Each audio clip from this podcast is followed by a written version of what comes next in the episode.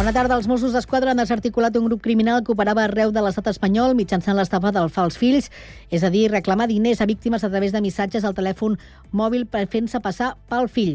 Entre els perjudicats que s'estenen arreu de l'estat hi ha residents aquí a Sant Cugat. L'actuació dels Mossos va tenir lloc el 2 de novembre passat, quan va detenir un total de 17 persones a Premià de Mar, Granollers, Mollet del Vallès, Santa Maria de Palau Tordera, Vic, Olot, la Bisbal d'Empordà i Canovelles. El grup criminal ha estafat més de 60.000 euros. La línia L1 i L11 de busos urbans es veu afectada per unes obres al passeig del Baixador a partir d'avui dilluns 6 de novembre. A causa d'aquestes afectacions, les parades de la línia en el passeig del Baixador amb Saragossa i amb Terol es mouen a un nou lloc, segons comunica la companyia Moventis Sarbus. Les noves parades de les línies L1 i L11 s'han traslladat a l'Avinguda Madrid i Vitoria, a la plaça Joan Borràs, on hi ha l'estació dels ferrocarrils de Mirasol, i una parada més al camí de Sant Cugat al Papiol, en Pamplona. Una persona ha resultat ferida en un accident entre dos camions i un turisme a la P7 a l'altura de Sant Cugat, en sentit Tarragona. L'home ha hagut de ser extret del vehicle pels bombers de la Generalitat i ha estat traslladat aquest matí pel sistema d'emergències mèdiques en estat menys greu a Mutu a Terrassa. El sinistre ha obligat a tallar dos dels carrils que ja s'han reobert una vegada retirats al voral els vehicles implicats, però que ha provocat cues de fins a 6 quilòmetres a la via, segons informa el Servei Català de Trànsit. Els carrers de Sant Cugat han estat aquest diumenge testimonis de la passió per l'atletisme de fons. La Universitat i Mitja Sant Cugat ha plegat més de 1.500 participants en les tres distàncies de recorregut, 5, 10 i 21 quilòmetres. Un traçat urbà que ha recorregut la ciutat d'est a oest, des del monestir fins a Mirasol, passant per la Pollancreda i el Golf, entre d'altres paratges. El Sant Cugatenc Pepe Díaz ha revalidat títol amb una marca d'una hora 10 minuts i 16 segons. El primer equip femení d'hoquei herba del júnior ha superat per 3 a 1 la Reial Societat a la novena jornada de la Lliga Iberdrola. Les de Guille Carnicer han començat perdent contra l'equip basc, però una segona part molt més còmoda i fluida per a les sancuatenques. La part més inicial a remuntada i sumar els 3 punts. Les blau i negres sumen la setena victòria de la temporada i continuen líders de la primera divisió, empatades a punts amb el Club de Campo. La pròxima jornada, les blau i negres s'enfrontaran a l'Atlètic Terrassa. Res més per ara, la informació torna d'aquí una hora a la mateixa sintonia i constantment a internet a www.cugat.cat.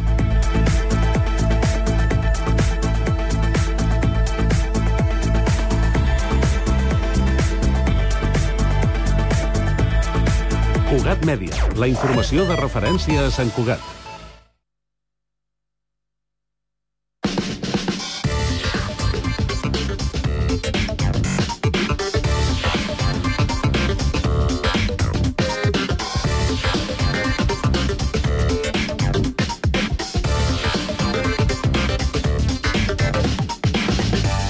De la tarda, 3 minuts, inici de la segona i última hora d'aquest Connectats de dilluns. I anem amb la informació de servei. Comencem pel trànsit per saber quina és la situació a aquesta hora de la tarda. Pau Vázquez, bona tarda.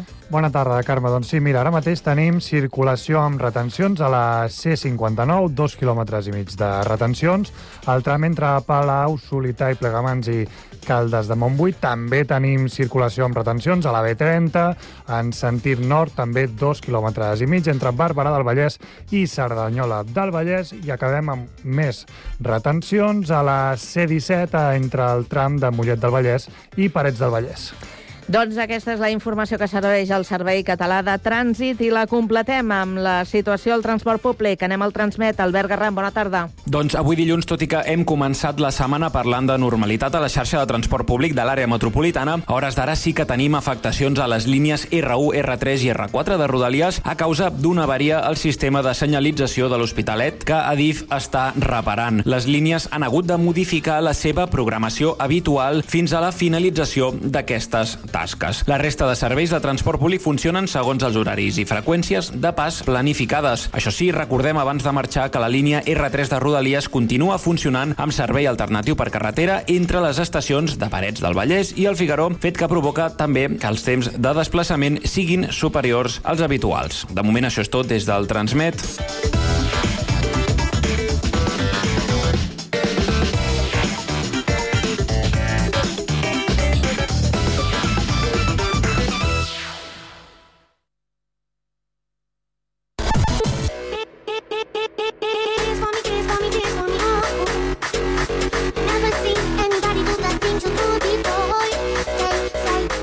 Connectats, una experiència radiofònica a Sabadell, Terrassa, Sant Cugat, El Prat, Castellà i Badalona.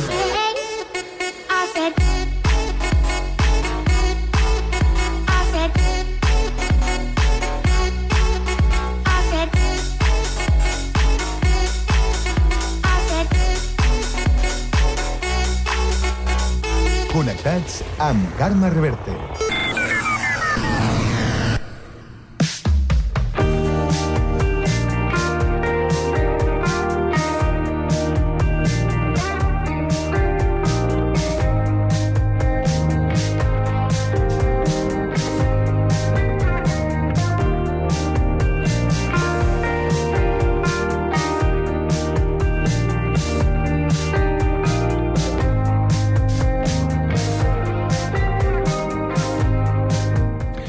Seguit us sorprendreu de les històries que ha viscut arreu del món l'impulsor de Marifé, un botiquer de l'Avinguda Matadepera de Sabadell, el José Mari Chimeno, que simplement té l'objectiu amb la seva dona de vendre roba i tenir una marca pròpia. Pau Duran, bona tarda. Bona tarda, doncs mira, justament estem aquí a dins de la botiga amb ell. José Mari, gràcies per atendre'ns. Hola, bona tarda, Pau. Digue'm, estic per tu. A veure, mira, el primer que em faria gràcia és que tu mateix et defineixis de què treballes, en què consisteix la teva feina. Amb la roba, ben bé amb la roba. Em treballa des del començament del primer fil fins que arriba a la botiga. Ja fa molts anys que el meu pare inclús, o el meu, el meu avi era sastre, i el meu pare va començar en la roba i poquet a poquet em vaig anar introduint perquè m'agrada aquest món de d'estar treballant a alguna que estàs creant i llavors em va, em va agradar. I poquet a poquet vaig anar començant i me recordo 2002-2003 que van començar a veure que no trobaven texans, en aquest cas, i van pensar fer texans. Aunque el primer cop que van, vaig començar a fabricar va ser sabates, va ser botes, perquè en un viatge a Londres va vaig trobar botes blanques i em van cridar l'atenció. Bueno, vaig portar botes blanques i quatre o cinc models que no tenien ni idea a qui vendre les botes ni què fer aquestes botes, però bueno, va sortir la possibilitat de portar les botes i, a més a més, un noi em va dir va, vaig a fer un malló de botes, que era un xinès, i va fer un malló de botes. Això era un dimecres. I vaig trucar a la meva dona i li vaig dir, oye, eh, dilluns me'n vaig a la Xina. I em va dir, hòstia, i a què vas a la Xina? Diu, a fer sabates, a fer botes. I bueno, vas tindre que sacar un visado d'aquest d'urgència que abans es podien fer, que tu tenies dos viatges tranquil·lament i amb... de divend... divendres ja tenia el, el que és el visat i vaig poder treure el bitllet i cap a la Xina.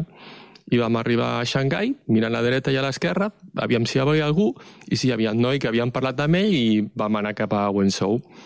A l'arribar a Wenzhou vaig arribar en plena boda, casava un germà d'ell, i, bueno, i va ser tot campell, campell, campell, que jo no sabia el que era campell ni agafar dos, dos palillos que em van donar la mà i bueno, vaig començar. I a la nit, després de tot aquest diner i tot això, vam anar a un hotel on estava l'oficina d'aquest noi i vam començar a fer sabates. Això va ser dues hores perquè de cop ja vam tornar un altre cop a cenar perquè sopa molt aviat, allà, ja a les 6 de la tarda estan tots de cena, no? I bueno, vam anar a sopar i estàvem allà sopant i otra campell, campell, campell, i al final vaig dir, aviam, com es diu això de campell per fer una miqueta menys, no? Em van dir, mimin. Mimin és un sorbet. Ah, llavors, bueno, ja va passar la nit més tranquil i a les 8 del matí ja estaven fent sabates, tot el dia va ser sabates fins a les 6 de la tarda que van començar eh, la boda aquest va ser el meu viatge a la Xina de primer cop, era 2003, 2004. Després van... Però escolta un moment, José Mari, el, clar, la Xina no és uh, creuar la frontera, o sigui, és que ni, ni les lletres, vull dir, uh, clar, tu, tu ni dels cartells que, o sabies alguna cosa de xinès? No, solament sabia de Nihao, com tota, com, com tota la gent. El que passa que, bueno, que era tot tan nou i tan ràpid que no pares a pensar, vas fent, vas fent, vas fent, i així, bueno, vam fer les sabates, que van arribar a Nàpols, vam tindre problemes, 4 5, va, això era octubre que van arribar les sabates, bueno, van tirar endavant, però van parar perquè el, el meu no eren les sabates, sí que les van, va sortir tot perquè era un altre moment, i dos majoristes van ficar, que tenien roba, van ficar les sabates, i mira, es van esgotar. Però bueno, van parar perquè no era el meu, i van parar. Llavors, poquet a poquet vaig anar coneixent ja amb el meu ambient, que és la roba, un noi que feia texans. I això era 2007, perquè tota la gent pregunta què és 07? 07 no ve de James Bond, ni té res a veure en les pel·lícules ni res. 07 és l'any que van començar. Que és la teva marca. Sí, és la marca i es diu 07, però només era per això. Van ficar la 0 davant, la Z, però era per això, perquè era l'any que van començar i érem tres i al principi els pantalons ficaven sempre 03, 007, però solament perquè eren tres persones que vam anar i 07 que era l'any. No té mm, cap motiu més ni de buscar un nombre supercomercial ni no, estàvem allà i van dir, hòstia, 07. I així va quedar. Vam començar a fer 07 i es va personificar tot, els botons, el fil, la llicra, vam començar a fer ja a poquet a poquet amb els temps, teixits propis, models propis, però què passa? Que els models propis no sempre agraden. Llavors et tens que obrir i vam començar a viatjar en Londres, eh, Amsterdam, Nova York molt sovint, Miami, inclús vam provar Florida perquè com era molt latí també aviam què trobàvem i poquet a poquet la marca ha anat creixent. Però què passa? És 2020 i tot para. Estàvem ja a Bèlgica, estàvem ja bé a França, estàvem bé posicionats a Portugal, al nord d'Espanya molt, molt bé, i a Catalunya anàvem fent. Però, bueno, es va parar tot. I després, ara aquest any, ara que, que has vingut tu, per així dir, hem començat, és el primer any que hem vol, tornat a fer texans. Què passa? Que ens hem trobat una Xina molt diferent. Jo he anat pensa ben bé 24 o 25 cops a la Xina perquè anàvem mirant els visats, no? I llavors ja et feia gràcia quan et deien, hòstia, el, el passaport està ple, tens que anar a fer-te un altre. Era una vida diferent, perquè era anar i tornar, anar i tornar, i després les botigues, perquè les botigues sempre han estat amb, amb la Rosa i jo, que és la cofundadora com, amb, amb mi, vaja. O sigui, les, les botigues Marifé, quin, quants anys d'existència deuen tenir? Marifé va començar amb el meu pare, com t'he dit abans. Marifé es, mm, farà aquest any, em sembla que és, és, mirava l'altre dia, és 49, 50 o 51, perquè ben bé jo sé que tenia 6, 7 anys que ja estava el meu pare a la botiga, que va començar la de l'al 116. I aquesta va ser després, aquesta va ser quan jo al col·legi no, no m'agradava massa, i es va agafar aquest local i van ficar aquesta botiga, que és la més coneguda realment en quant a moda i actualitat, sí que ha passat una miqueta endavant a l'altra, perquè clar, l'altra s'ha anat consolidant com una botiga de tota la vida, i aquesta porta molta novetat contínua. Són diferents. El número 130 de l'Avinguda Mata de Pere. Però tu quan el, et vas eh, dir, ostres, anem a fer això de la marca, ho feies ja amb consciència, dir, ostres, tal com està evolucionant el mercat, la nostra situació, hem de fer una sacsejada, hem de buscar una cosa que ens impulsi. Mancança. El que trobaven era mancança. Començava a faltar de tot les, el texà començava a escassellar, la gent se va al Marroc i tot va, va començar canviant, fins les distribuïdores d'aquí molt grans, com que, Estil, no? Em sembla que es deia, estava aquí a, a, a, les, a prop de les cases del Garcia, era molt gran i començava ja a no portar teixits, perquè nosaltres treballàvem, jo treballava amb 07 va començar en un noi de Badalona i vam començar a viatjar amb ell, que inclús dos anys jo solament feia el disseny però trobàvem mancança. Feien texans, però trobàvem mancança, no havia teixit, no havia lavanderies, no trobàvem de res. I bueno, vam provar, va sortir la possibilitat d'aquests gens que he dit abans, de tornar a la Xina, i bueno, i un altre cop la, la maleta a l'esquena i cap allà. I el començament va ser fàcil i no fàcil, perquè, clar, mm, no sabíem com fer texans i importar texans i, i com començar. Bueno, poquet a poquet, mira, van trobar dues fàbriques, van fer les mostres, una molt bé, l'altra ni ens va fer cas, perquè eren petitons, eren molt petitons, evidentment, era el començament, i les quantitats que pedien ells no eren assumibles per nosaltres ni per al mercat d'aquí. I bueno, però bueno, vam, vam sortir i vam agafar ja representació aquí, representació allà, i la marca va anar creixent. I al final ja, ja, ja funcionava sola. Era anar dos cops a la Xina, fer les mostres, estar vigilant, clar, i mm, vas creixent, fèiem camisetes, fèiem sudaderes, fèiem cinturons, ja fèiem una miqueta de tot, ja era una marca. El que passa, bueno, eh, tot va canviar eh, com a tota la gent, i van parar en sec. Van dir el 2019, o el 2020, no recordo bé, quan començava lo del el, el mes de gener, teníem que anar cap allà i ens van començar a parlar, stop, no vingueu, espereu fins al maig o, a la, eh, o al juny, aviam què passa, envieu les mostres si voleu, i ja està. I les mostres van anar cap allà i les mostres ja no van tornar mai més. Això va ser el començament de la, del, del paró de la marca. En si les botigues van anar, van anar continuant, el que passa que trobaves en que tu ja feies quasi bé el 80% del producte de les botigues. Ah, llavors, clar, no era fàcil mm, per simplement el que era la producció i la fabricació, sinó que era començar, aviam què fiquem ara. Amb tot el que va passar, de dies tancats, dies no tancats, que ara obríem, ara no. Bueno, vam sortir com vam poder, vam començar a fer la botiga tancada, perquè teníem les botigues tancades, tots uns separadors molt grans, tot amb el preu, i ho entregaven a casa a domicili. Bueno, i van, vam començar a funcionar molt més amb la web perquè teníem un problema, el ser marca de tot, tot propi, teníem problemes d'online perquè no podíem pujar els nostres productes per mm, competència deslleial amb tots els nostres clients. Que no era un tema de preu, era un tema que teníem tot. Llavors, clar, semblava que nosaltres si ficàvem 07 com a web o Marifé com a web feien, i, i vam tindre problemes perquè realment ens trucaven les botigues que teníem la roba nostra, oh, que com estàvem haciendo esto. Bueno, pues estamos haciendo esto i hi ha puestos que s'enfaden molt. Aquí no tant, no? però hi ha puestos que s'enfaden molt. Ah, llavors ens van treure l'entrenom, que a vegades pensem que sempre ha sigut un hàndicap, no tenia el mateix nom que és 07 o Inspiration, com es deia, o Marifé, sinó que van tindre que sortir amb MF Only One i la que tu has conegut de Only by Rose.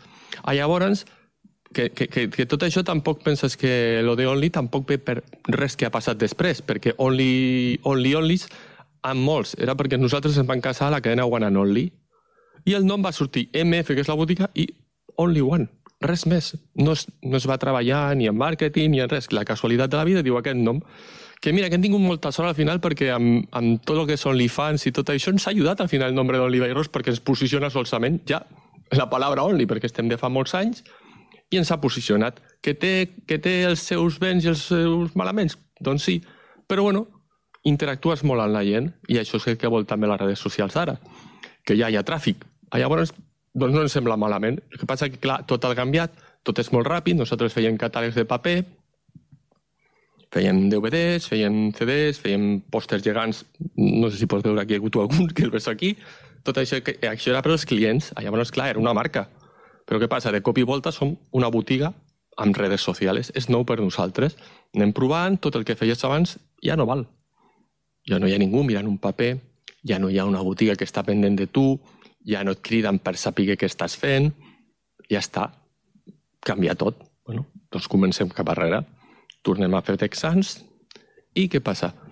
Que no hi ha distribució. Llavors hem tingut que canviar tot. Estem a través de, de majors xinesos, el que tu vulguis, i estem trobant una distribució nova. Ha canviat tot. El representant de Bilbao ha tornat, i miqueta a miqueta anem sortint. Serà, serà molt complicat, però bueno, eh, amb les redes socials, ja la Rosa en aquest moment, que està portant moltíssim perquè la seva pujada ha sigut vertiginosa en, en un any no sé si parlàvem l'altre dia, en 60.000 seguidors, però 60.000 seguidors que, que parlen i demanen i criden i a vegades... Té...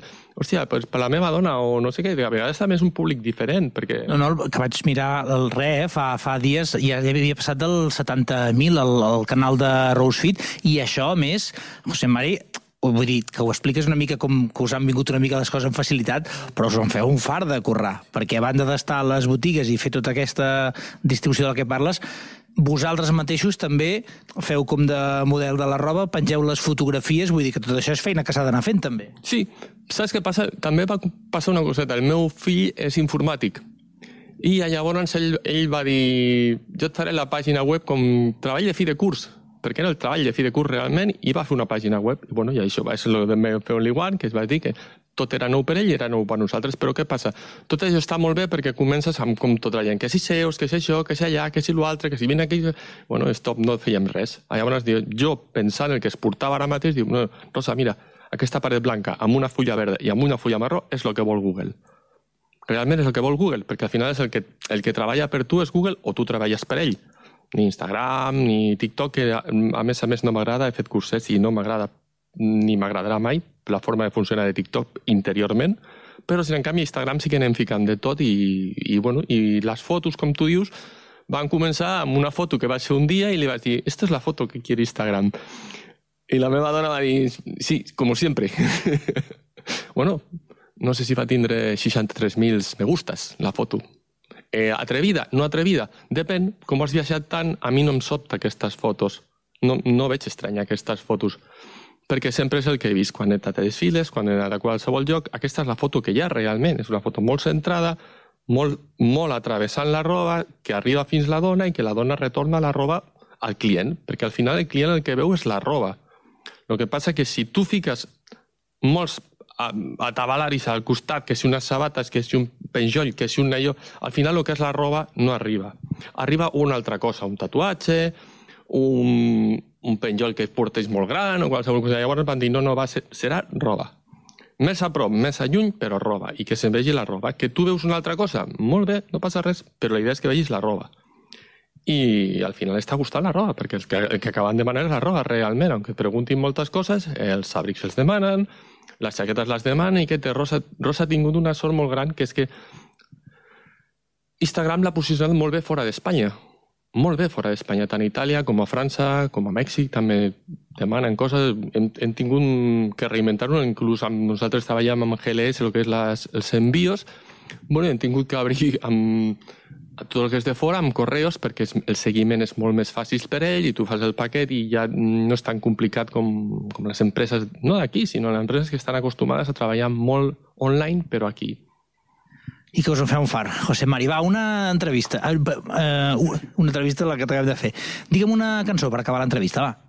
Bueno, eh, diré que m'agrada molt Lighthouse Family i Postcards from Heaven és una cançó que sempre he tingut mm, com algo molt meu ja a la meva boda a Maurici, com la Rosa i tot això, ja, ja aquesta cançó ja rondava per allà i a cada viatge sempre l'he escoltat. És una cançó molt tranquil·leta, però m'agrada molt d'escoltar. Gràcies per acollir-nos. A tu, Pau.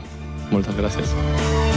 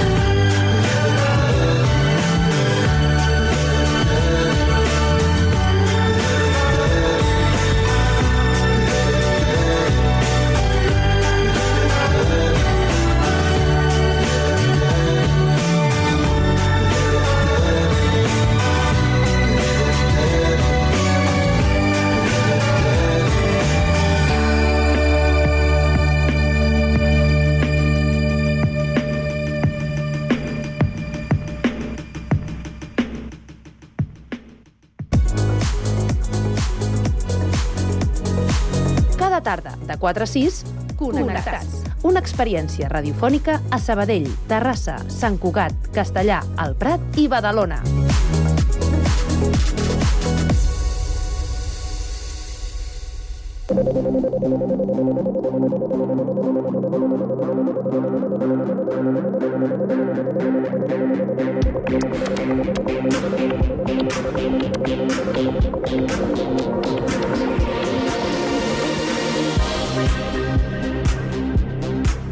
L'empresa terrassenca Comser Pharma es va fundar l'any 2013 amb l'objectiu d'agilitzar la industrialització de fàrmacs que impacten a la millora de la qualitat de vida de les persones. Per saber-ne més, avui parlem amb en Jaume Vallet, fundador i director general d'aquesta firma.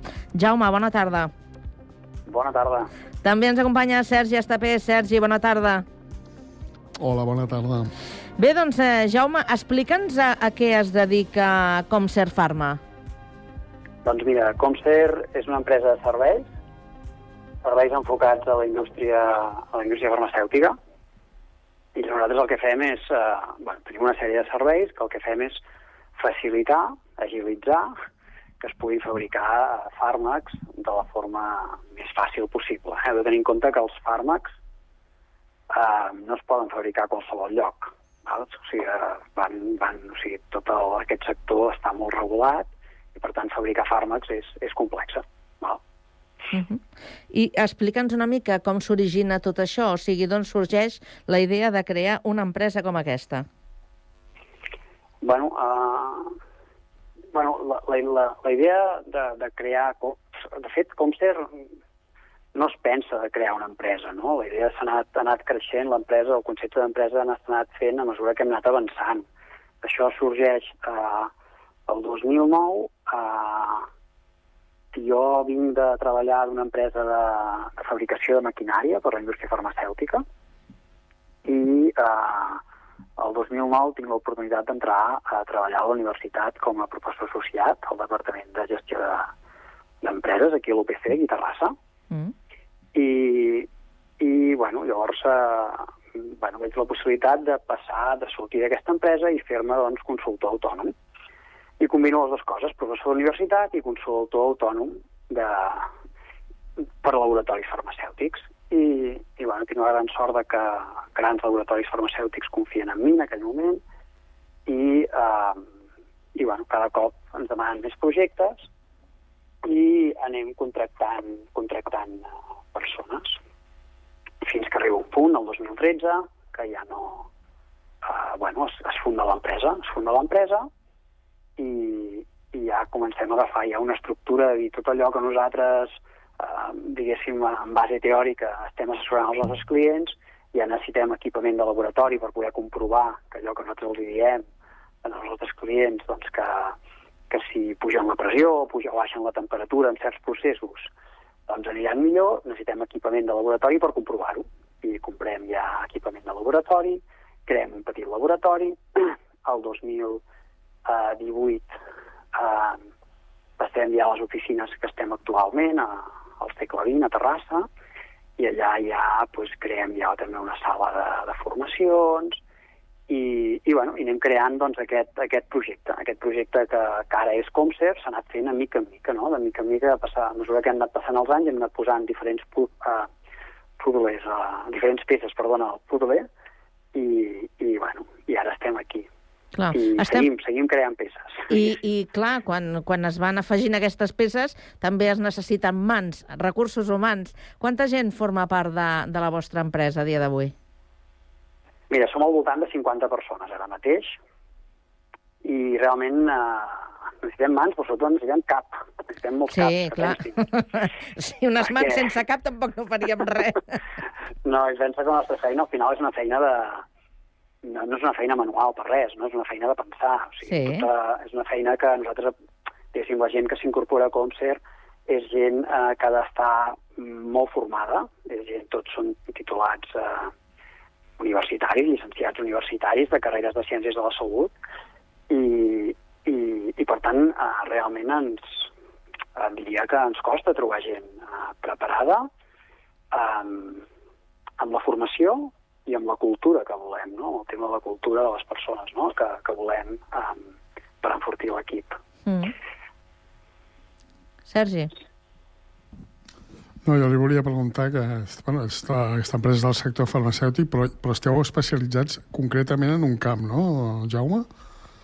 Exacte. Nosaltres, eh, dins del sector farmacèutic, que ja és un sector petit, nosaltres estem especialitzats en el que és la, el producte injectable, tot el que és la fabricació de, bueno, de, de, del que ens injectem al cos, vale? tot el que s'ha de fabricar en entorn, perquè això ha de ser producte asèptic i el fet de fabricar-ho en condicions asèptiques genera una certa, una certa complexitat. No? Nosaltres, estem, nosaltres estem especialitzats en aquest tipus de, de medicaments i dins d'aquest sector molt petitet encara diguéssim que som experts en el que són els, aquells productes que són um, més inestables. Val? Els productes farmacèutics um, que no són estables en fase líquida i per tant s'han de, s'han d'estabilitzar.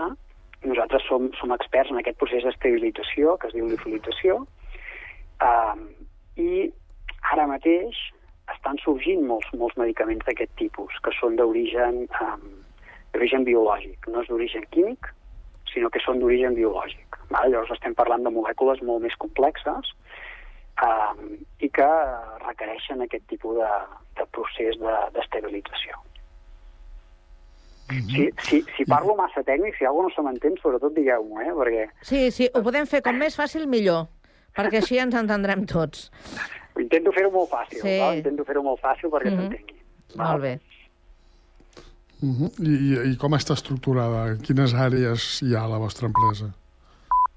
Bé, nosaltres estem estructurats amb, amb quatre àrees de negoci. Diguéssim, hi hauria la part de, qualificació de maquinària, que és tota la... Penseu que tota la maquinària que ha de fabricar fàrmacs ha de ser una, una, una, una maquinària molt, molt segura, val? Per no, perquè no incorpori ningú tipus de contaminant en el fàrmac. No? Penseu que un, un producte farmacèutic normalment eh, va a persones que estan malaltes val? i per tant tenen una salut delicada. No sempre, eh? Per exemple, la vacuna del Covid és un exemple d'un d'un fàrmac que va a, quals, a tota la població, no? però normalment va a persones malaltes. Llavors, eh, clar, qualsevol tipus de contaminant que s'hagi pogut incorporar en el fàrmac durant la fabricació, això té un impacte molt gran al pacient. Per tant, hem d'intentar minimitzar aquests riscos. Val? Per tant, tota la maquinària que treballa durant el procés de fabricació de, dels fàrmacs, d'aquests fàrmacs, i són fàrmacs injectables encara més crítiques, eh, han d'assegurar que siguin segurs. I no només que siguin segurs, sinó que fabriquin unes dosis absolutament repetitives. Val? Perquè si hi ha massa dosi de principi actiu o menys dosi de principi actiu, principi actiu és el que fa la feina, el que cura. Sí. Val? Um, això, pot ser, això pot ser perjudicial pel pacient. Per tant, la normativa farmacèutica diu que has de demostrar, o sigui, el fabricant farmacèutic ha de demostrar que les màquines funcionin bé. Nosaltres som l'empresa que fa, dona aquest servei de demostració, de validació. Llavors, aquesta seria una de les àrees. L'altra àrea seria l'àrea de d'auditories. Anem a auditar eh, els fabricants, els proveïdors dels laboratoris farmacèutics perquè treballin amb qualitat, els fabricants de principis actius, que és, aquest, és aquestes molècules que fan la feina, eh, els excipients, que són els productes que embolcallen un fàrmac, eh, els, els potets, els material, el material de condicionament, tot el que fem servir per, per, per tapar el fàrmac, no? per poder-lo envasar, tot això també és molt crític. Nosaltres anem a auditar tots aquests proveïdors per assegurar que treballin bé. No? Sobretot fem moltes auditories a, a la Xina, a la Índia i, i a tota Europa. Aquesta seria una segona àrea de l'empresa. Llavors tenim la tercera àrea, que és la, la part de processos.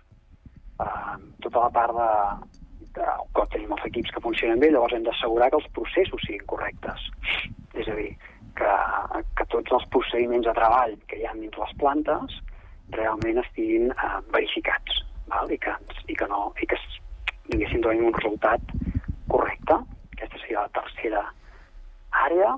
I llavors tenim la quarta àrea, que és la que va molt enfocada a aquests processos d'estabilització que us deia de l'hidrolització. No? Aquí és on nostra és, és la part de laboratori on eh, formulem el producte farmacèutic, és a dir, a partir d'un principi actiu nosaltres mirem quins són els excipients, quins són els productes que envolten aquest principi actiu que fan que, aquest, que estigui més estable, que no degradi.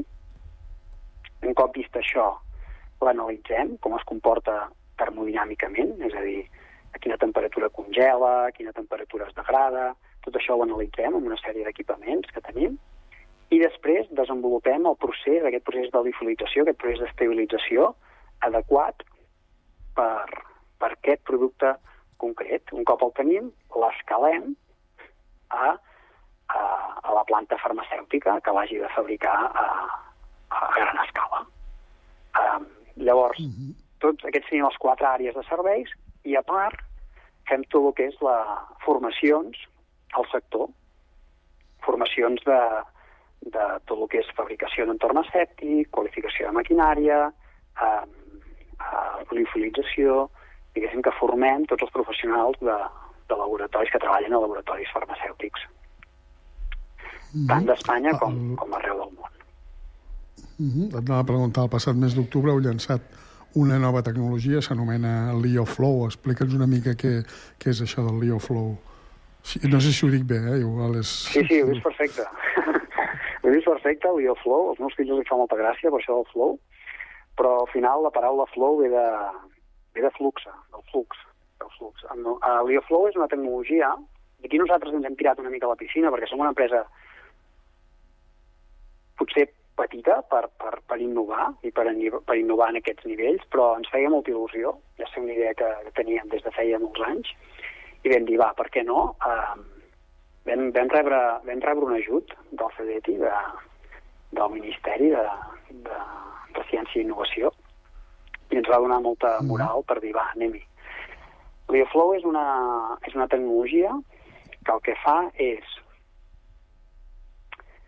uh, ho explicaré d'una forma molt, molt senzilla perquè s'entengui, eh? Uh, a veure si s'entén. Uh, la idea és, en aquest procés d'estabilització, que us dic de la lifolització, el que fem és uh, obtenir un paràmetre, que és aquest flux de vapor, el vapor que, que surt del producte, i aquest paràmetre, juntament amb altres paràmetres, els incorporem amb unes fórmules, eh, unes fórmules molt complexes, que ens donen que ens permeten monitoritzar la qualitat del producte durant el procés. Normalment un producte farmacèutic, fins ara el que es feia és que eh, es fa un control de qualitat al final. Acabes el procés de fabricació i al final fas un control de qualitat al laboratori. Aquesta eina posa un granet de sorra per poder monitoritzar la qualitat durant el procés de fabricació. És a dir, que no hagis d'esperar al final per saber si el producte ha sortit bé o ha sortit malament. I això té un impacte molt gran a la indústria, perquè permet que durant el teu procés de fabricació, si alguna va malament, puguis corregir-ho. Um, I això, que potser us pot semblar un detallet, això té un impacte molt gran perquè, diguéssim, eh, pots estalviar-te molts, molts problemes, pots reaprofitar molt producte que abans el llançaves per desconeixement, pots introduir el teu producte molt més ràpid a, a molts països perquè no necessites tants controls de qualitat del producte final amb tot el que són els temps de els temps d'estabilitat del producte farmacèutic. Tot això agilitza molt la introducció de productes a, a diferents mercats. S'ha entès? Sí, sí, sí. Sí, sí, més o menys, sí. sí. sí. Es- Sí, i, i no sé si, si so, eh, en, aquest, en aquest sentit sou una empresa amb... És que no sé com dir-t'ho. Hi ha molta competència o hi ha, sou molta gent que treballa en aquest mercat o més aviat és un mercat reduït? No, nosaltres, eh, nosaltres eh, diguéssim, amb la, eh, aquesta, amb, amb, la, amb aquesta part de, de l'utilització, que és amb la part que nosaltres som més, més, més especialistes, potser hem identificat eh, o cinc empreses al món que, que siguin competència nostra amb aquesta part concreta. No? Llavors sí que és veritat que nosaltres tenim tota la- l'altra part de servei durant la fabricació que ens ajuda molt per poder adaptar-nos a com treballaran a la, a, a com treballarà una indústria, un laboratori farmacèutic. Penseu que la indústria farmacèutica està com molt dividida en dos parts, la gent que, que fa recerca i la gent que fabrica. La nostra, la nostra empresa tenim la gran sort que fem com de pont. Estem, tenim una, una cama a cada, a cada àrea. No? I això ens ajuda moltíssim, no? perquè, per una banda, eh, des del desenvolupament, que és això que fem en la visualització, veiem com, com ho hauran de fabricar després, i, i, quan, i com que sabem com es fabrica, quan fem desenvolupament també ens adaptem molt als processos de, als processos de, de fabricació. Per tant, empresa com la nostra nosaltres no n'hem identificat cap, però sí que amb aquesta especialitat, a, a nivell de desenvolupament en trobaríem 4 o 5 al món, molt poquetes. És molt mitjo, sí. Bé, doncs eh, agraïm moltíssim al Jaume Vallet que avui hagi pas- pel- passat pel Connectats a explicar-nos com funciona i què és eh, Comcert Pharma, sobretot quin és aquest servei que ens presta. Moltíssimes gràcies, Jaume, que vagi molt bé i bona tarda. Gràcies a vosaltres. Bona gràcies. Adéu-siau, Sergi, bona tarda. Adéu, bona tarda.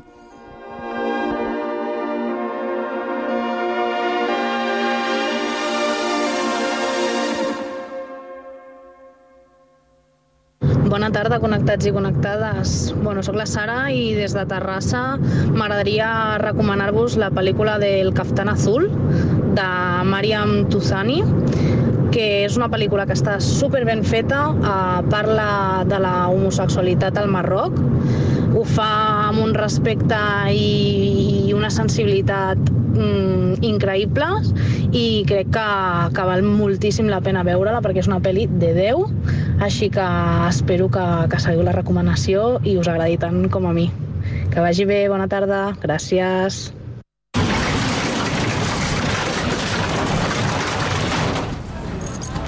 ¿Llevas mucho esperando? Una hora o así.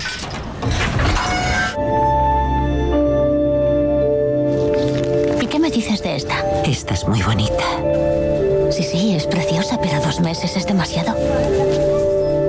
Halim no usa máquina de coser.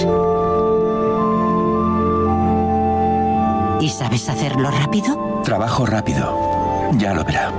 Me gusta el oficio, quiere aprender. No, ya nadie quiere aprender este oficio, Halim.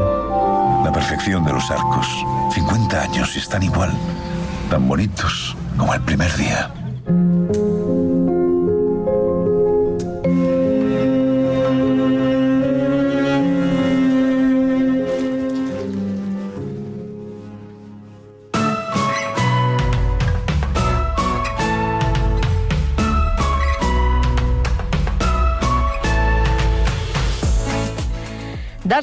Dos anys de començar a caminar, el projecte Teatre de Barri de Sabadell farà una mostra a l'Estruc aquest cap de setmana, els pròxims dies 11 i 12 de novembre, on es podrà veure el resultat de diversos tallers que s'han anat fent a diferents barris de la ciutat per part dels aficionats. Pau Duran, bona tarda de nou. Bona tarda, doncs per fer-ne crònica hem omplert l'estudi de gent i tenim, per exemple, dos dels actors, que són el José i la Dolores, i també el dinamitzador del taller, que és el Jaume García Arija. Benvinguts tots. Hola, benvinguts i Hola. moltes Sí, gràcies. bon dia, bon dia. Bona tarda. A veure, eh, nervis, papallones a l'estómac o coquets, o com, com li hem de dir això que esteu sentint ara mateix? Dolores, yo creo que Dolores está sintiendo, vamos, eh, fuegos artificiales, no? Perquè, mira, ara tot just hi ha gent que ja està començant a assajar, que estem aquí a Calastruc ja assajant en Camp Puiggener i Poble Nou, perquè tot just aquesta setmana estem començant els assajos i al cap de setmana, 11 i 12, actuen els sis grups, 3 el dissabte i 3 el diumenge. Uh, dius allò, actuen com si fos ja, però aquí heu fet una feina molt llarga i molt constant per arribar-hi. Doncs sí, sí. Eh, José, ¿cuánto llevamos ya con...? un par de, dos años. Dos años, no? Mira, vam començar a l'octubre del 2021 a les classes. Tota la, diguéssim, la preparació, la idea, les xerrades, les trobades amb Ajuntament, amb la FAB, eh, veure mm, com, com es podia encabir això sota, bueno, amb l'ajuda, no? amb l'ajuda d'Ajuntament i el departament adequat, doncs eh, de tot això fa quatre anys. Després vam passar dos en aquestes xerrades, aquestes trobades. Entremig vam tenir, malauradament, la pandèmia que ho va desquiciar i aturar i, i matar tot, lamentablement. Però tot just després això va ser fins i tot doncs, bueno, una injecció, una, una bafarada d'aire fresc no? per, per poder reengegar una mica la normalitat i, i donar-li una mica de xispa a la vida. I Jaume, deixa'm dir-ho així, has liat a mig ajuntament aquí, no? Perquè aquí hi ha gent gran, els cicles de vida... Jo... Bueno, ja, ja tens mig ajuntament allò de dir, va, va, què hem de fer, no? Sí, eh, és que jo crec que hem fet una feina molt engrescadora. Tant l'Enric com jo, que quan vam començar a fer el, la prospectiva pels barris... Parles de l'Enric López? L'Enric López, Serrano, eh, i jo, que vam ser bueno, els, una mica els creatius els, eh, que vam crear la, la idea. Després, com les va gestionar, com li van donar forma, va ser que juntament amb la FAB, que vam anar a l'Ajuntament i vam començar a liar aquest pollastre, no? Però tota la perspectiva inicial d'anar als barris, de conèixer a les persones, de fer-los les enquestes, d'entrar als bars, a les perruqueries, que s'hi va a, a tot arreu, a les terrassetes, eh, va ser molt, molt interessant per, per veure quin era el nivell d'inquietud i de ganes que tenia la, el, bueno, el, el, el veïnat, els veïns i les veïnes de cada barri de Sabadell, quin interès i quina inquietud tenien a l'hora de, eh, diguéssim, eh, gest, eh, gestar eh, mm, històries culturals i artístiques des de cada barri, perquè això moltes vegades diem que és com una mica descentralitzar la, la cultura eh, i portar-la als, als barris, però realment el que és és crear cultura des dels propis barris, no? I, i bé, vam conèixer gent meravellosa a Can Déu i Can Llong, vam començar amb els dos primers eh, grups eh, una mica com de prova, no? I, i va funcionar molt bé. Aquí tenim dues persones que estan des del principi a Can Déu, que és un dels grups que va iniciar el 2021, que és el José i la Dolores i els quals després s'han afegit Camp Amor Espronceda, Poble Nou, Nostra Llar i Camp Puiggener. A veure, José Dolores, eh, vosaltres anàveu al teatre? Sí, ir bastante, porque nos encanta. Pero mm, actual, sí. hasta ahora no lo hemos descubierto, bueno, actuar. Hacemos todo lo posible por quedar bien. Actuar, ja ho pots dir en majúscula. De fet, vosaltres dos participareu en l'espectacle Nada es lo que parece, Ahà. que es podrà veure a l'Estruc a dos quarts de set el dissabte. Ja, de fet, Mhm. podeu recollir en el Covid de l'Ajuntament les invitacions per anar-hi, si és que en queda alguna encara. Estan pràcticament exaurides Sí. totes, o sigui que qui vulgui venir, que s'afanyi, que s'afanyi. La que estan... noche está exaurida, ja no sí, sí, sí, sí. Escolta, José i Dolores, el, eh, com us arriba això? Quin input veu tenir de dir ostres, doncs això per aquí m'ha arribat a mi em podria interessar? Bueno, esto llegó porque eh, tenemos un hijo que está en este mundo. Nosotros el teatro como, o sea, como, digamos, como cliente sí, ¿no? Pero a nivel de, es que hay ni pasarte por la cabeza, claro. Piensa que somos una generación que, que ni en la escuela, el poco tiempo que estuvimos en la escuela, que van surtimos de hora, eh, no había estas cosas, ¿no? Y después por la vida, vamos, bueno, pensar en hacer teatro, vaya, ni, ni idea. Y como un día a través de nuestro hijo se enteró que en Cañón habría un, un, un taller, dijo, ah, la mamá que se apunte, que tiene ganas, y, y la mamá va a probar. Y, y bueno, pues... Y después yo hablé con Jaume y dice, venga, va, anímate. Y total, que nos apuntemos. Y aunque digamos dos años, eh, dos años, pero claro, es una hora y, y media cada, cada semana, es claro. que- És un eh, compromís? És un compromís. Ara, eh, jo estic molt content eh, també. Sí. O sigui, sou parella, però va començar la Dolores, Sí, va eh? Sí, sí, empecé yo porque es una cosa que siempre me ha gustado. Y pensar, aunque no sé, porque con lo nerviosa que soy y el sentido que tengo de no hacerlo bien, no sé cómo he llegado hasta aquí, pero bueno, estoy contenta. Porque aparte los amigos que hemos hecho todo y, y eso, y ser capaz de ponerte encima de un escenario y que todo el mundo esté ahí para verte. A ver. I, I això és perquè el teu fill et diu va, mama, atreveix-te, i tu, Sí. Dolores, vas dir pues vinga, va, per què no, anem a provar-ho. Sí, sí, porque yo pensé, no, no, no soy capaz. Y dice, y me dijo eso, "Mm, mamá, que las cosas hay que, que enfrentarlas. Si tú eso lo has tenido siempre en mente, lo, lo tienes que intentar. Y estoy contenta. I ho has intentat? Sí. Ara anem a fer una cosa eh, que al al món de la ràdio és així, escolteu, ens adaptem al que passa, no? Hem aconseguit que entrés a l'estudi l'Enric López, que és l'altre tallarista encarregat d'aquesta meravella, i tot i que estarà molt incòmode, em sap greu, Enric, perquè ja no havia entrat cadira per tu, eh, t'hauràs d'acotxar una mica al costat del, del Jaume, correcte, i llavors també volem conèixer les teves impressions. Enric, eh, benvingut, bona tarda. Molt bona tarda, com esteu? Estem en aquesta setmana Hola, ja hola. Hola. prèvia, com Molt estàvem bé. parlant, no? Aquest cap de setmana ja es faran les actuacions, és a dir, que esteu començant ja els assajos. Com ho estàs visquent, tu? Molt bé. Ah, clar, tu no em sents perquè no portes auriculars, és veritat. Et, et deia com, Com estàs estàs vivint tu vivint aquesta aquesta setmana, setmana, que ja està- que ja són dia- els assajos i que aquest cap de Ui. setmana fem les actuacions. Aquest cap de setmana serà una cosa meravellosa, però portem una setmana d'estrès, de correccions, de nervis, portem una setmana de que intentar que tothom estigui còmode, que tot vagi bé, equip tècnic, actrius, actors, tothom. però, però és una meravella, una meravella. Sí, sí. El, el Jaume ens ha posat una mica... El, el dia ens ha fet 5 cèntims de que, clar, aquest projecte fa com 4 anys, no?, que va començar a caminar, que us veu reunir amb mig ajuntament, per no dir amb tot, sí, no? Sí. Vosaltres veu fer una cosa molt important en el món de la cultura, que és aportar dades, no? Veu fer sí. els vostres estudis i veu dir, escolta, hem detectat aquesta necessitat i Exacte. tal. Sí, sí. Això, emocionalment, com es porta? Perquè suposo que quan vas veient que s'allarguen el temps, que tu vas treballant i, bueno, ara per aquest, amb l'altre, no deu ser fàcil de tirar endavant, no? Dia a dia. Sempre tens raó que hi ha moments que, bueno, que penses que potser no calia, però quan veus la reacció i veus que, que, que no vas mal encaminat i que la resposta de la gent és molt bona i que i, i localitzes que hi ha necessitats i, i il·lusió, sobretot, perquè nosaltres ens movíem molt per la il·lusió i per les ganes de compartir i que hi ha aquest sentiment de compartir és comú, doncs, eh, aquests dies que, que pots tenir baixades de fe, com les tensions, baixada de tensió, té tothom, tu. Però la qüestió és que vingui la pujada. I sí, sí, certament això de les dades és important perquè d'alguna manera parteixes d'una realitat i, i te n'adones que, que fa falta. I, I a partir d'aquí tot és caminar. José Dolores, eh, uh -huh. us vull fer una pregunta que després els hi faré amb ells, també.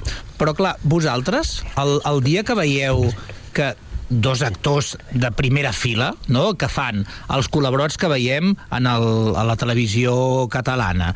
Estan en els principals escenaris de, dels teatres als quals vosaltres anàveu de públic i us diuen que us faran un taller. Com us veu quedar? de piedra. Pero molt bé. Eh, fue un fue una cosa que, no te la esperas, ¿no? Porque no estabas preparado para hacer teatro. Yo no me había preparado en la vida para esto. Y, y dices, oh, oh, sí, este se abre un, una luz ahí, dice, oh, sí, una oportunidad. Y la verdad que desde que nos apuntemos, pues yo nada más que, me se ha olvidado darle el agradecimiento a Jaume y a Henry por haber tomado con nosotros, ¿eh? Porque es verdad que es una... Hemos hecho baile, hemos hecho cosas de pero es que el teatro es otra cosa, es lo que decía, ya es algo que te que te mueve muchas cosas, ¿eh? Y estos nervios, esas cosas de la, del estreno, de todo esto, mmm, bueno, es algo que, que a nuestra edad, pues yo no me lo esperaba y es una oportunidad que estoy muy contento de que haya llegado. Clar, però a sobre, el dia que veu començar, van entrar per la porta i veu dir, sí. si és el de la tele, oh, ¿no? Sí, sí, sí. ¡Qué guay! sí, es verdad, hombre, porque... Es más con persona tú, que la tele, ¿eh? Tú, siempre has estado, eh, como dice, de telespectador, Sí, sí. de ir a verlo y luego los ves en persona y dices, hoy pues mira, es agradable estar con personas que Sí, están en el teatro y muy bien. Y, no, y después pa- pasa el temps y dices, pues era mejor verlos en la tele, ¿no? y luego te das cuenta, oh, bueno, el Jaume salía mucho. Y más el Jaume que ha hecho papeles tan diferentes, ¿no? Y que lo ves luego y dices, mira, quan, quan el tens tan a prop i dius, però si no, hi ha, hi ha un esforç aquí. Me, me tengo que aprender un texto, algo, y claro, es cortito porque nosotros somos, somos amateurs, ¿no? Y son textos muy cortos. Y cuando me acuerdo de lo que ya dice en el Petit Prince, ah. él solo, una hora y media hablando, digo, ¿cómo se, cómo se asimila esto, eh? Pero él siempre lo dice, cómo se hace esto, ¿no? Es que el doctor, el doctor texto. el doctor texto, el, la, la, el el machacar... está. La, La constància. Eh, i, I ara, mm, recuperar una mica el que ha dit el José, no? que eh, o sigui, el que tenim aquí són, és, és, és, són persones eh, amb una humanitat eh, impressionant que potser no han fet mai teatre ni han parlat mai en públic, però que eh, el teatre eh, és especial perquè manega fils i, i vies que, que tenen molt a veure amb el material sensible, la sensibilitat de les persones. Hi ha, al millor hi ha persones que ho, ho han estudiat tota la vida i mm, no traspassaran mai aquesta barrera amb el públic, no comunicaran. El teatre és comunicació. Si alguna persona de les que estan a, practicant teatre, teatre de barri, encara que no hagi fet mai teatre, ho sent així, se li encomana l'energia la... i té prou sensibilitat com per treure de si mateix, de si mateixa, aquestes, eh, bueno, aquest, aquest material sensible i comunica al públic, ja s'està produint la màgia del teatre, no? I... Clar, però, Jaume, per vosaltres, professionals, eh, el vostre pa de cada dia, que és sortir de la zona de confort, no fer servir totes les tècniques que coneixeu. Ostres, de sobte dir, no, ara hem de fer un canvi de xip i el que hem de fer és transmetre'ls i la passió mm. amb una exigència diferent. Ostres, com, com entres en aquest estat? Doncs intentar posar-te també en la seva pell, per, perquè realment, o sigui, totes aquestes coses que nosaltres hem après, de- d'alguna manera, cal recuperar-les per tornar-les, a, com dir-ho, a oblidar, no? Eh, emocionar-te amb, amb, també i, i sentir-te com ells, que, que, com si fos la primera vegada que ho fas. Eh, quan hi ha algun petit descobriment o alguna, o per poc que sigui, una avançada dintre de la seva evolució artística, actoral, doncs eh, per nosaltres és tot un, bueno, un assoliment, no? És un logro, és, un, eh, és, una, és una festa, no? I a més a més, tot això ha desembocat en un altre aspecte que nosaltres també volíem, que era, volíem crear eh, crear una mica de, de, de, de, com de xarxa, Xarxa, humana, xarxa. no? Eh, Relació. social, relació entre barris, no, Enric? Sí, i tant, i tant, i tant. És un projecte que neix amb aquesta, neix amb aquesta voluntat de crear xarxa i d'intervenir comunitàriament a través del, del codi del teatre i, i a partir d'aquí no, no cal tampoc sortir a actuar. També pots escriure o pots fer vestuari o pot passar el temps i no pot passar més que facis una companyia o que facis una sèrie d'amistats que després et pots posar a treballar en, en molts aspectes i el barri eh, pot eh, ajudar una miqueta a que, a que,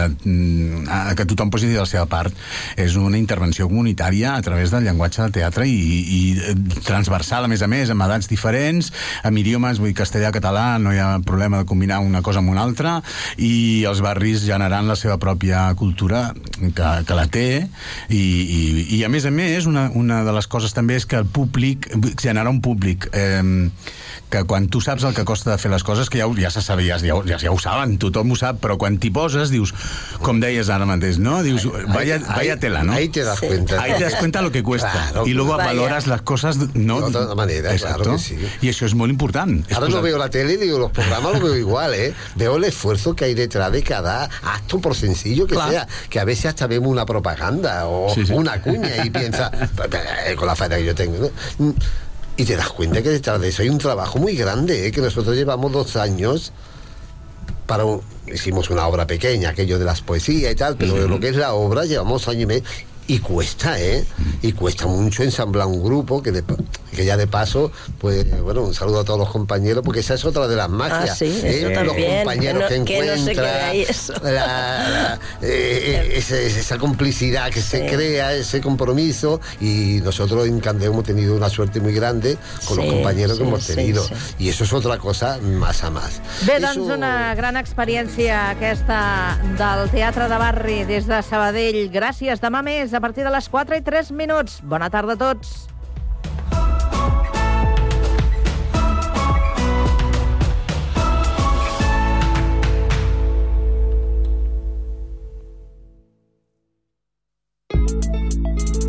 Estrenem l'APP del Picalletres. Paraules i jocs lingüístics per a tothom. Descarregueu-vos l'APP a Google Play o a l'App Store i comenceu a jugar.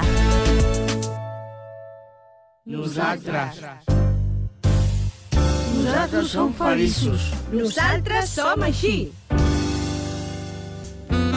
Nosaltres, un programa de ràdio mensual amb el grup Catalònia Fundació Creativa, que treballa amb persones amb discapacitat intel·lectual o trastorn de conducta. Benvinguts una altra vegada al programa de ràdio d'Espassur Valldoreix. Avui entrevistarem el Francesc Orella. La entrevista de este mes la dedicamos a una de las modelos y presentadoras más destacadas de nuestra localidad. Me parece súper elegante, un, un coche de color cava. ¿A ti te gusta el color cava, Miguel? Sí. Avui entrevistarem a la Gemma Mengual. De festa un dia amb les amigues també, si podíem. Igual que jo. Clar que sí, s'ha de fer això, s'ha de fer. Nosaltres, cada mes a Ràdio Sant Cugat, Cugat Mèdia. Nosaltres som genials. Ràdio Sant Cugat. 91.5 FM.